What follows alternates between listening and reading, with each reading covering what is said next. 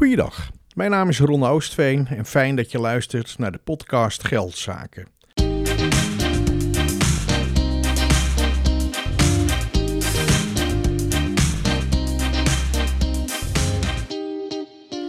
Deze podcast informeert je over alle zaken die met geld te maken hebben.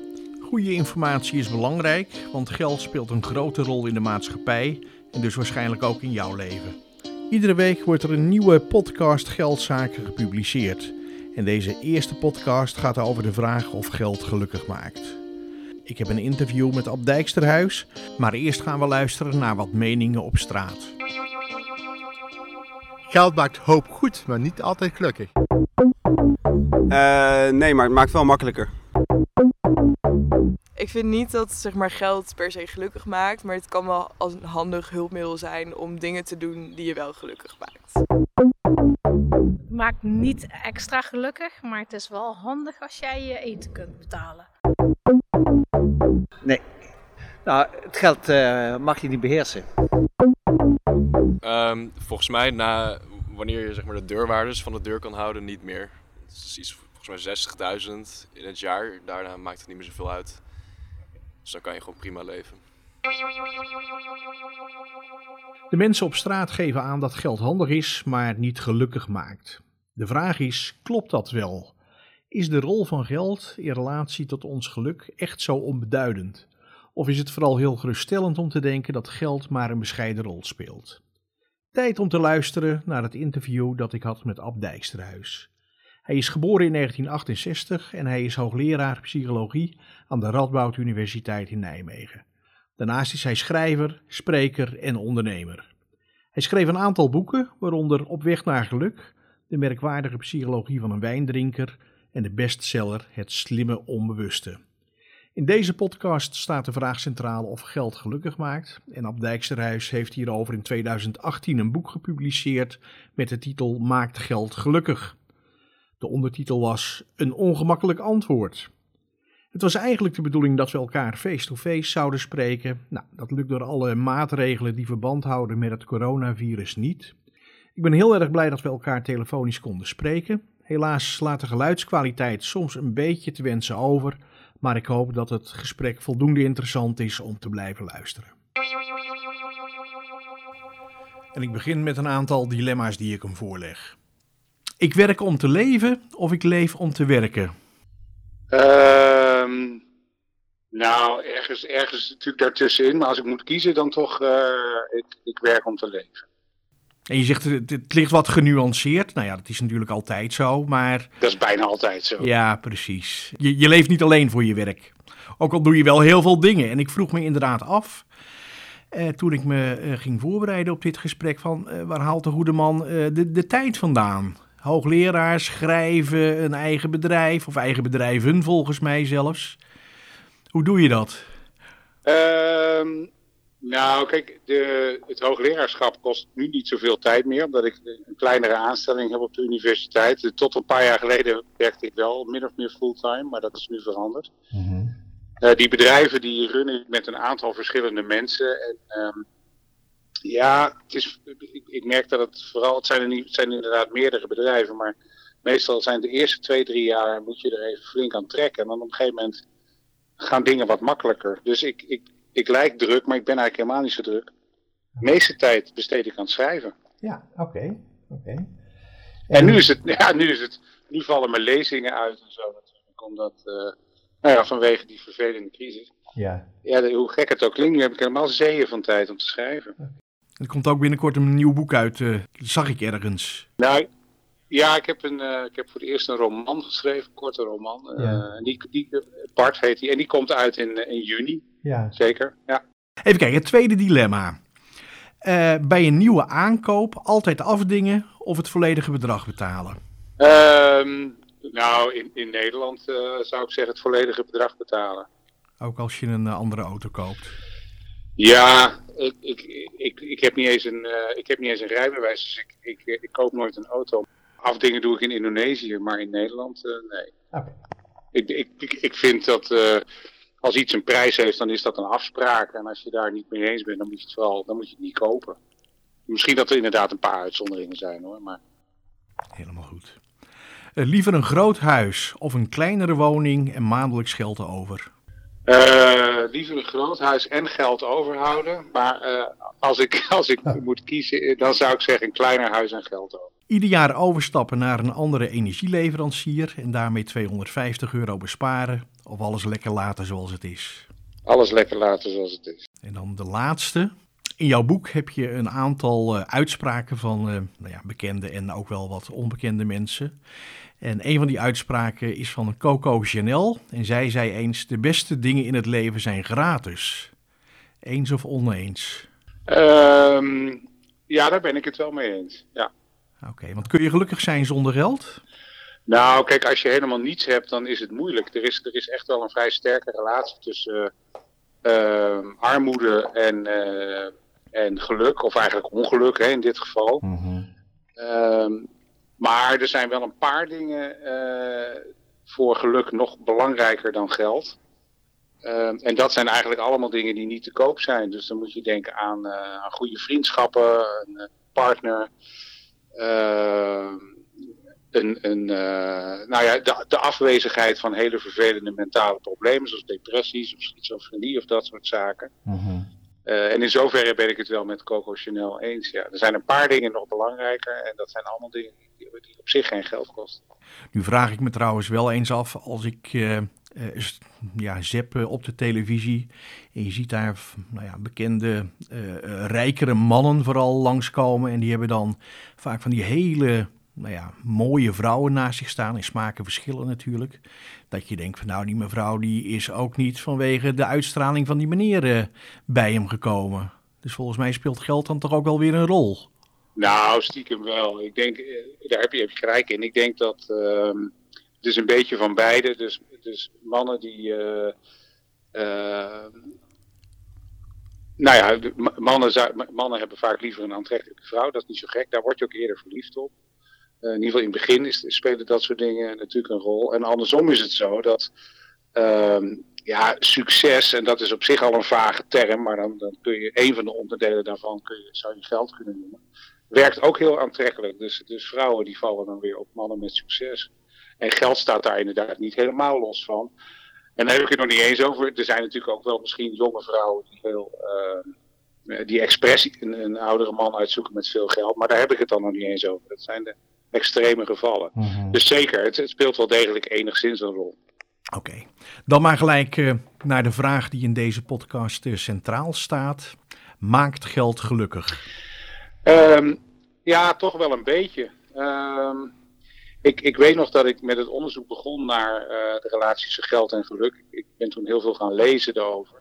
En eigenlijk een beetje vanuit uh, mijn, academische achtergrond. Nou, je kent de universiteit, bijna iedereen is politiek vrij links georiënteerd. Uh -huh. En dan is het eigenlijk het normale idee om te denken van, nou ja, geld is wel handig en extreme armoede is natuurlijk niet goed voor je geluk.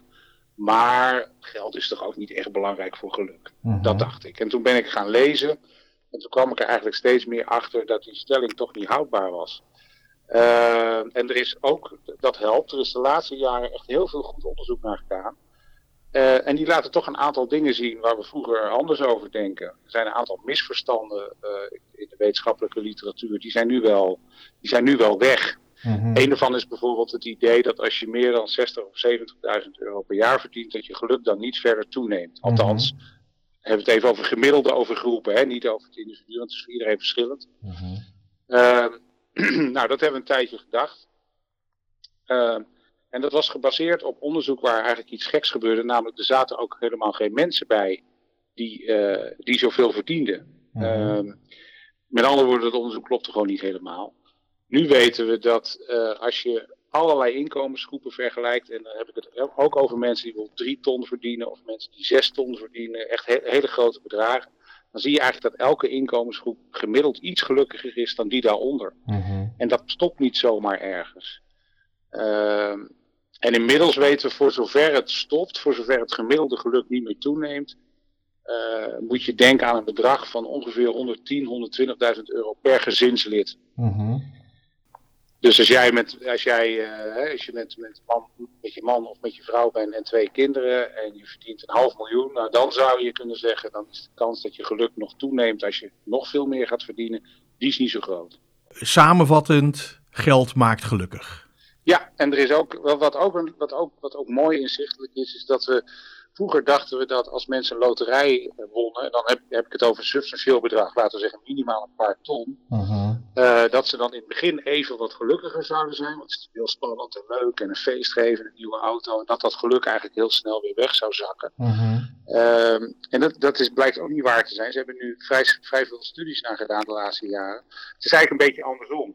Dus mensen zijn in het begin helemaal niet zo heel veel gelukkiger. Die zijn, het het heeft natuurlijk voordelen, het is leuk, je kunt inderdaad die nieuwe auto kopen. Maar mensen worden er in het begin ook zeker van. Eh, er zijn een aantal problemen die ze moeten oplossen. Je krijgt in één keer nieuwe vrienden erbij en dan denk je, zijn het nou echte vrienden of komen ze op mijn geld af? En je ziet juist dat na één of twee jaar dat mensen gemiddeld wel gelukkiger zijn. En dat heeft ermee te maken dat geld gewoon zekerheid geeft. Dat zijn mensen die vroeger, als de wasmachine een raar geluid maakte, dan, dan werden ze al angstig omdat ze dachten, oh wacht, waar ga ik in godsnaam met geld voor een nieuwe wasmachine vandaan halen? En ja, als jij een miljoen op de bank hebt en je hoort je wasmachine een raar geluid maken, je gaat naar internet, je drukt vijf knopjes en de volgende dag komen ze een nieuwe brengen. Ja, En dat, dat scheelt wel. en dan nemen ze de oude ook nog mee. En dan nemen ze de oude ook nog netjes mee. Ja. En, en na, na één of twee jaar is natuurlijk ook de vrienden die je dan nog hebt, dat zijn de echte. Dus je ziet juist dat op termijn mensen wel, wel degelijk gelukkiger worden van het winnen van een heel groot geldbedrag. Eh, in, in je boek eh, heb je het ook over eh, de hedonistische tredmolen. Eh, kun je daar eens iets over eh, vertellen? Dat is iets wat, wat, wat psychologen en economen al vrij lang onderzocht hebben. Het idee is eigenlijk dat je. ehm, het heeft vooral te maken met het, met het, eh, het geluksgevoel of het tijdelijke genot dat mensen ervaren als ze bijvoorbeeld een nieuwe aankoop doen. En dat dat iets heel bedrieglijks is. Dus je kunt op zaterdagmiddag naar de stad gaan en dan koop je nieuwe schoenen en dan ben je gelukkig. Ja, Ehm, maar dat duurt een half uur of een uur en daarna denk je, goh, ik had die broek eigenlijk ook kopen, is goed. En dan begint dat stemmetje in je hoofd eigenlijk weer opnieuw te praten. En om datzelfde gevoel te ervaren, zul je de zaterdagmiddag daarop weer naar de stad moeten om weer nieuwe schoenen te kopen. Dus het, het wordt een, je zou kunnen zeggen, dat wordt een soort verslaving. Het, het, het korte genotsgevoel wat je ervaart bij het uitgeven van geld, dat kan iets verslavends hebben. Eh, waarbij mensen ja, als het ware in een tredmolen terechtkomen en niet echt gelukkiger worden, alleen maar op hele korte termijn. En, en wel steeds meer gaan, gaan consumeren. ja, precies. En dat is wel een serieus probleem. Dat zie je, dat, dat zie je eh, nou ja, bij, bij, bij sommige mensen loopt het echt uit de hand. Maar je ziet ook dat het bij, eh, bij steeds meer jongeren een, eh, ja, iets belangrijks wordt. Hè. Er zijn nu, eh, als je nu 14-jarige eh, eh, jongeren vraagt, zeker meisjes, eh, naar hun grootste hobby, dan is het best vaak shoppen. Mhm. Ja, en- Dat kan ik me van mijn generatie niet voorstellen. Maar Nee, nee ja, ik, ik zelf ook niet. En zou dat kunnen komen? Ik probeer even hardop na te denken. Omdat, eh, nou ja, toen wij jong waren, we zijn ongeveer, eh, nou ja, ik ben iets ouder dan jij, maar eh, ongeveer van dezelfde generatie. Dan kreeg je je zakgeld, nou ja, en dat stopte je dan in je spaarpot. En eh, tegenwoordig eh, maakt pa of ma het, eh, het geld over via de bank. En ja, het fysieke geld is aan het verdwijnen. Zou het daarmee te maken kunnen hebben of sla ik nu door? Nee hoor, daar heeft het zeker mee te maken. Al zijn er een aantal oorzaken die samenwerken. Ten eerste hebben ze meer geld. Ten tweede betekent het inderdaad minder, omdat het fysieke aspect eh, er niet is. Soms, eh, heel, wat helemaal vervelend is voor mensen, niet alleen voor kinderen, maar voor, voor volwassenen, zijn, zijn dingen die je bijvoorbeeld op afbetaling kan kopen. Dat is natuurlijk heel erg gevaarlijk. Mhm. Want je hebt, het, je hebt datgene wat je koopt, heb je al. Terwijl, eh, ja, dat geld, dat geld moet je voor een heel groot deel nog betalen. Ja. De verleidingen zijn veel groter. Hè. Er is veel meer bijgekomen dat, dat je kunt kopen. En vroeger waren een heleboel dingen die we nu hebben, die waren er vroeger niet. Het idee dat je mobiele telefoon moet moet hebben bijvoorbeeld. Mhm. Eh, er zijn een aantal, en de, en, de, en de verleidingen zijn ook nog wel op andere manieren groter geworden. Mensen vergelijken zichzelf meer met elkaar. Er zijn natuurlijk veel meer advertentieboodschappen waar je aan blootgesteld wordt. Ja. Dat is echt, ik denk, 50, 100 keer zoveel als in onze generatie. Mhm. Alleen al op internet. Dus er zijn allerlei processen veranderd. Maar degene die jij noemt is absoluut even belangrijk. Ja. In je boek eh, beschrijf je dat het najagen van geld mensen ongelukkig maakt. Nu doe ik een gevaarlijke uitspraak, maar ik denk dat de mensen die naar deze podcast luisteren eh, geldzaken belangrijk vinden. Eh, wat voor tips heb je voor de luisteraars waardoor ze nou niet ongelukkig worden? Ehm, Nou, dat, dat, als, het, als het over dit probleem gaat, vind ik het best een lastige. Ik, ik, moet, ik moet altijd meteen denken aan de, de beroemde Griekse reder Onassis. Die zei van geld moet je niet achterna lopen, je moet het tegemoet lopen. Mhm. Maar hij zei er vervolgens niet bij hoe je dat dan moest doen. Nee. Uh, maar dat is het wel een beetje. We, we weten dat geld gelukkiger maakt, maar als je het te graag wil hebben, maakt het je juist ongelukkig. Dus je moet het eigenlijk bij wijze van spreken per ongeluk krijgen. Je moet, je moet eigenlijk, dat zeg ik in ieder geval tegen jongeren die nog een beroepskeuze moeten maken, doe vooral iets wat je leuk vindt Mhm. en waar je hart in kwijt kan. Maar als dat nou ook nog iets is waar je later, uh, waarvan je weet dat je er wat meer geld mee kan verdienen, nou prima, dat is, dat is alleen maar fijn. Maar het moet geen doel op zich worden. Mhm. De, de meest ongelukkige beroepsgroep uh, zijn, zijn bankiers. En dan heb ik het niet over, niet zozeer de plaatselijke Rabobank, maar in, bijvoorbeeld in de Londense City, hè, de, de, de hele fanatieke bankiers. Mhm. Dat, dat, is ongeveer de meest ongelukkige beroepsgroep die er is. Ja. Um, een tip om, om um, te profiteren van je geld, die is eigenlijk heel makkelijk. Je kunt wel zeggen, mensen die meer geld hebben zijn gemiddeld gelukkiger, maar het hangt er echt heel erg uh, vanaf waar je het dan uitgeeft. Ja. Mensen die het alleen aan spullen uitgeven, die worden er niet echt gelukkiger van. Dus je moet het, ik, ik noem het altijd de grote drie. Je moet het aan drie dingen uitgeven. Eén is, je moet andere mensen gelukkig proberen te maken met je geld. Dat kan op een heel directe manier door mensen in je omgeving, kinderen, maar dat kan natuurlijk ook op een meer indirecte manier.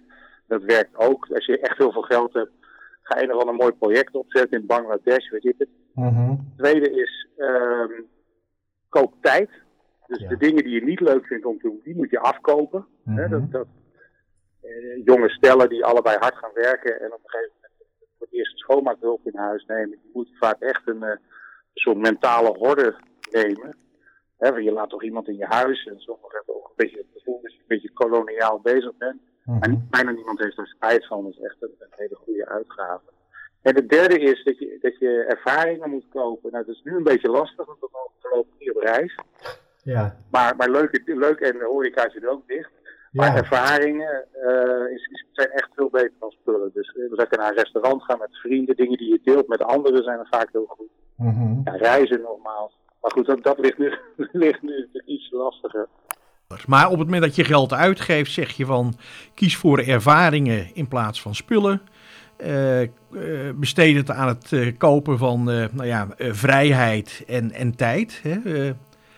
En nou ja, geef ook eens wat geld weg om mensen gelukkig te maken. Ja, Nou, dat, ja dan, dan ben je er gelukkig van. ja. Of doe iets terug voor de gemeenschap, in wat voor vorm dan ook. Hè. Dat, dat, je moet natuurlijk zelf kiezen waar jij dan op dat moment je eigen kwijt kan. Dat, dat, hoe je dat doet maakt niet zoveel uit, maar wel dingen waar andere mensen van profiteren. Mhm. Uh, ja, dat, dat geeft heel veel voldoening. Nu heeft geld niet voor iedereen uh, dezelfde waarde. Hè? Je hebt mensen die nou ja, een, een goed gevulde bankrekening najagen en dat is al een doel op zichzelf. Er zijn ook mensen die nou ja, geld zien als een middel om een ander doel te bereiken. Nou, misschien inderdaad wel die, die ervaringen uh, te, te kopen, laat ik het zo maar zeggen, die reis te maken. Uh, en nou ja, er is misschien ook nog wel een kleine categorie van mensen die geld helemaal niet uh, belangrijk vindt. Waar komen die verschillen nou eigenlijk vandaan? Um, ja, dat is, dat is heel erg lastig om te zeggen. Uh, er, zijn wel, er zijn wel bepaalde persoonlijkheidseigenschappen die, die, die door psychologen onderscheiden worden. En die hangen dan wel weer een beetje samen met verschillen die jij noemt. Maar Mm -hmm. om nou echt te zeggen waar komen ze vandaan, dat, dat, is, uh, ja, dat, is, dat is wel heel erg lastig. Ik denk dat, uh, nou ja, wat, we, wat we, we weten wel iets hoor. Mensen die wat, uh, mensen die wat onzekerder zijn en juist meer behoefte hebben aan zekerheid, hè, aan voorspelbaarheid. Nou, dat, die, die willen ook bankrekening. Want geld kan ook heel veel zorgen wegnemen. Mm -hmm. Hoewel het ook zorgen kan geven. Maar meestal neemt het in eerste instantie natuurlijk allerlei zorgen weg. Ja. He, dus dat, dat, dat weten we. Uh, dan heb je mensen met een, met een hele grote behoefte. Daar reken ik mezelf al toe. Bijvoorbeeld. Mensen met een hele grote behoefte aan vrijheid en autonomie. Mm -hmm. die, die hebben niet zoveel met geld op zich. Maar die vinden geld fijn omdat ze daarmee vrijheid kunnen kopen. Ja. En dus we weten wel iets over de eigenschappen waar dat dan vervolgens weer mee samenhangt. Maar om nou te zeggen, daar komt het vandaan, ja, dat is een beetje lastig. En waarschijnlijk ook nog dingen die met vroeger te maken hebben. En wat voor gezinssituatie goed op.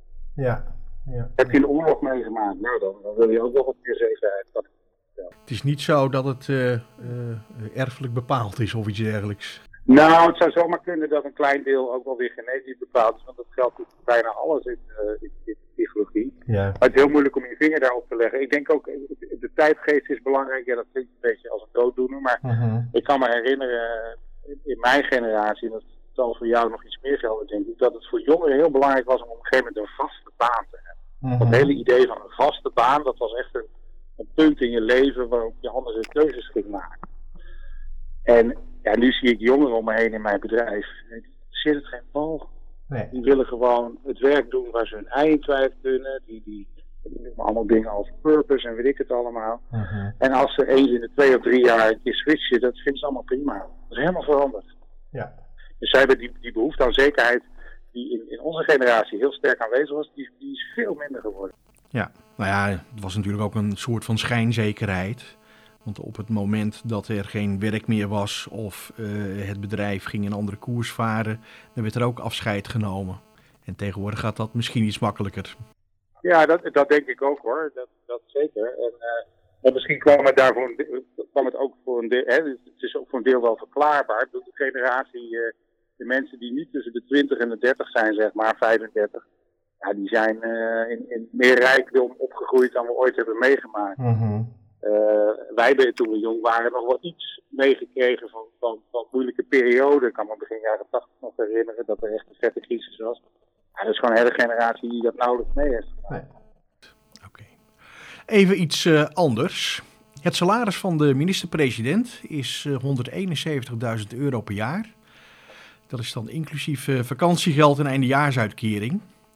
En als je naar, kijkt naar het salaris van die minister of naar Tweede Kamerleden, op het moment dat dat weer eens in de publiciteit komt, nou ja, dan eh, eh, ontploffen bijna de sociale media met allerlei eh, verwijten, et cetera, et cetera. Nu heb ik het eens opgezocht. Maar het gemiddelde salaris van een voetballer in de Nederlandse eredivisie is eh, 291.000 euro. Dus die gaat met aanzienlijk meer geld naar huis dan de minister-president. En daar hoor je eigenlijk niemand over. Eh, is daar een goede verklaring voor? vind ik een hele lastige vraag. Zou, daar zou ik ook niet meteen antwoorden op weten. Ik denk, eh, ik denk dat, dat, dat de meeste mensen dat hele idee van marktwerking wel begrijpen. Eh, hè, van, nou ja, dat is nou helemaal zo. Dat zijn ze kennelijk waard. En Mhm. eh, als jij in de publieke sector werkt, dan, dan wordt er al heel snel gedacht dat je te veel verdient. Matthijs van Nieuwkerk is nog veel meer. Hè? Als, als, dat komt ook één keer per jaar in het nieuws, Ja. het salaris van hem. Dat is ook 5,5 ton. En dan, en dan wordt iedereen helemaal gek. Ja. Ehm, daar zal het mee te maken hebben, dat hele idee dat het, dat het zo, dat, het, dat je direct kunt zien dat het, eh, eh, dat het belastinggeld is, dat mensen echt het gevoel hebben dat het uit, uit hun eigen portemonnee komt. Mhm. Ik vind dat volstrekte onzin. Van Nieuwkerk kan ik me wel iets bij voorstellen, verontwaardiging, ook omdat het wel heel veel is. Maar minister-president die 171.000 euro verdient. Ja, het is, Ja. het is- het is bizar weinig. Laten, tenminste, als je kijkt Ja, naar... nou ja, ik, Ja. Precies. Ik, ik durf wel te zeggen dat, eh, dat Mark Rutte waarschijnlijk tussen zijn 32e en zijn pensioen over, weet ik het, 20 jaar, dat, dat, dit, zijn, dat dit de periode is dat hij het minst verdient. Ja. ja, Zowel zo. daarvoor als daarna zal hij meer geld hebben gekregen. Ja. Dus het is, het is een flauw, het is, het is onzin om, dat, om daar heel verontwaardigd over te doen. Het zijn, het zijn een enkel Tweede Kamerlid kun je nog je vraagtekens bij zetten, maar de minister-president, dat is dus iemand die in staat is om in een andere sector veel, veel meer te verdienen. Mhm. Nou, we gaan eventjes wat mij betreft eh, richting eh, het, het, het einde. En ehm, nou, ik heb nog twee vragen aan je. Eh, heb je een leestip voor de mensen die naar deze podcast luisteren? Ehm, ja, dan zou ik heel flauw kunnen zeggen, maak geld gelukkig. Maar dat, dat is natuurlijk niet de bedoeling. De laatste vraag is, welke vraag heb ik nog niet gesteld, maar had volgens jou wel gesteld moeten worden? Eh, je hebt, je hebt eh, mijn boek genoemd met de ondertitel, een ongemakkelijk antwoord. En Ja. daar, eh, je hebt niet gevraagd waar dat op sloeg. Nou ja, ik vind, ik vind dat zelf wel een, wel een belangrijk aspect van het boek. Ehm, zoals ik al zei toen het begon eh, met dit hele project, ging ik er zelf eigenlijk ook vanuit dat geld nou niet zo heel erg belangrijk was voor geluk. Mhm. kwam ik er steeds meer achter dat die samenhang best wel sterk is. Ja. Tegelijkertijd eh, beschrijf ik ook in het boek dat armoede ook echt wel ongelukkig maakt. En dat een van de belangrijkste eh, voorspellers voor het verschil in geluk tussen verschillende landen. Het klinkt een beetje technisch, sommige landen zijn gelukkig natuurlijk. Zijn, gemiddeld veel gelukkiger dan andere. Nederland Mhm. is heel goed. Heeft te maken niet alleen met het, eh, met het inkomen van mensen, maar ook met de ongelijkheid. Mhm. Hoe ongelijker, hoe minder gelukkig mensen zijn. En dat, dat geeft het iets ongemakkelijks. Het feit dat er dus een, steeds grotere inkomenskloof komt hè, tussen arm en rijk, maakt dat er eigenlijk ook een steeds grotere gelukskloof komt. Ja. En eh, het klinkt al snel moralistisch en zo, ik ben de laatste die zo'n antwoord wil komen. Maar dat heeft op een gegeven moment wel consequenties. We zullen, we zullen op een gegeven moment iets moeten doen. Hè, de, de, die enorme vermogen aan, aan één kant van de samenleving zullen meer ingezet moeten worden om andere mensen te gaan helpen. En dat, dat is eigenlijk het ongemakkelijke. Het, het, werpt ook een moreel dilemma op. Moeten we zo doorgaan of moeten we toch met z'n allen de boel een beetje beter gaan verdelen?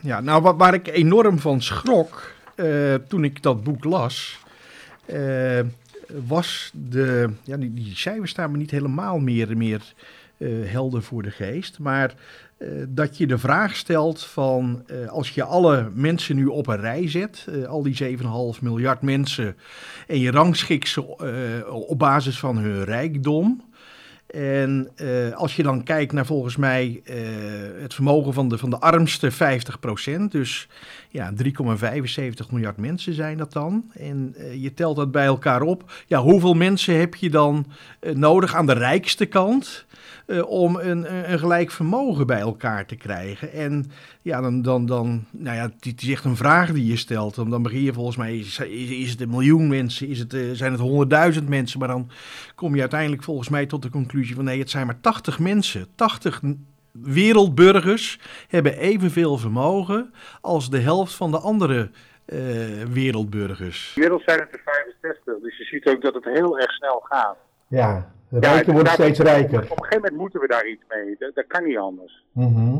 Ja. Dat wordt op een gegeven moment ook een, echt een, een moreel dilemma. Van wat moeten we nou met al die enorme vermogens gaan doen van mensen, andere mensen het echt heel zwaar hebben. Ja. Nou ja, en je kunt het ook niet loszien van bijvoorbeeld die vluchtelingenstromen. Kijk, de mensen uit Syrië, die zijn, die zijn natuurlijk op, eh, die, die komen van een oorlog vandaan. En er zijn heel veel mensen uit Noord-Afrika die, ja, die gewoon hier naartoe willen met het idee dat het economisch beter is. En je zou ze, we kunnen ze niet allemaal tegelijk opnemen, maar je, je kunt ze niet eens ongelijk geven. Dat komt natuurlijk allemaal door dit soort dingen. Dus we, we zullen daar iets mee moeten.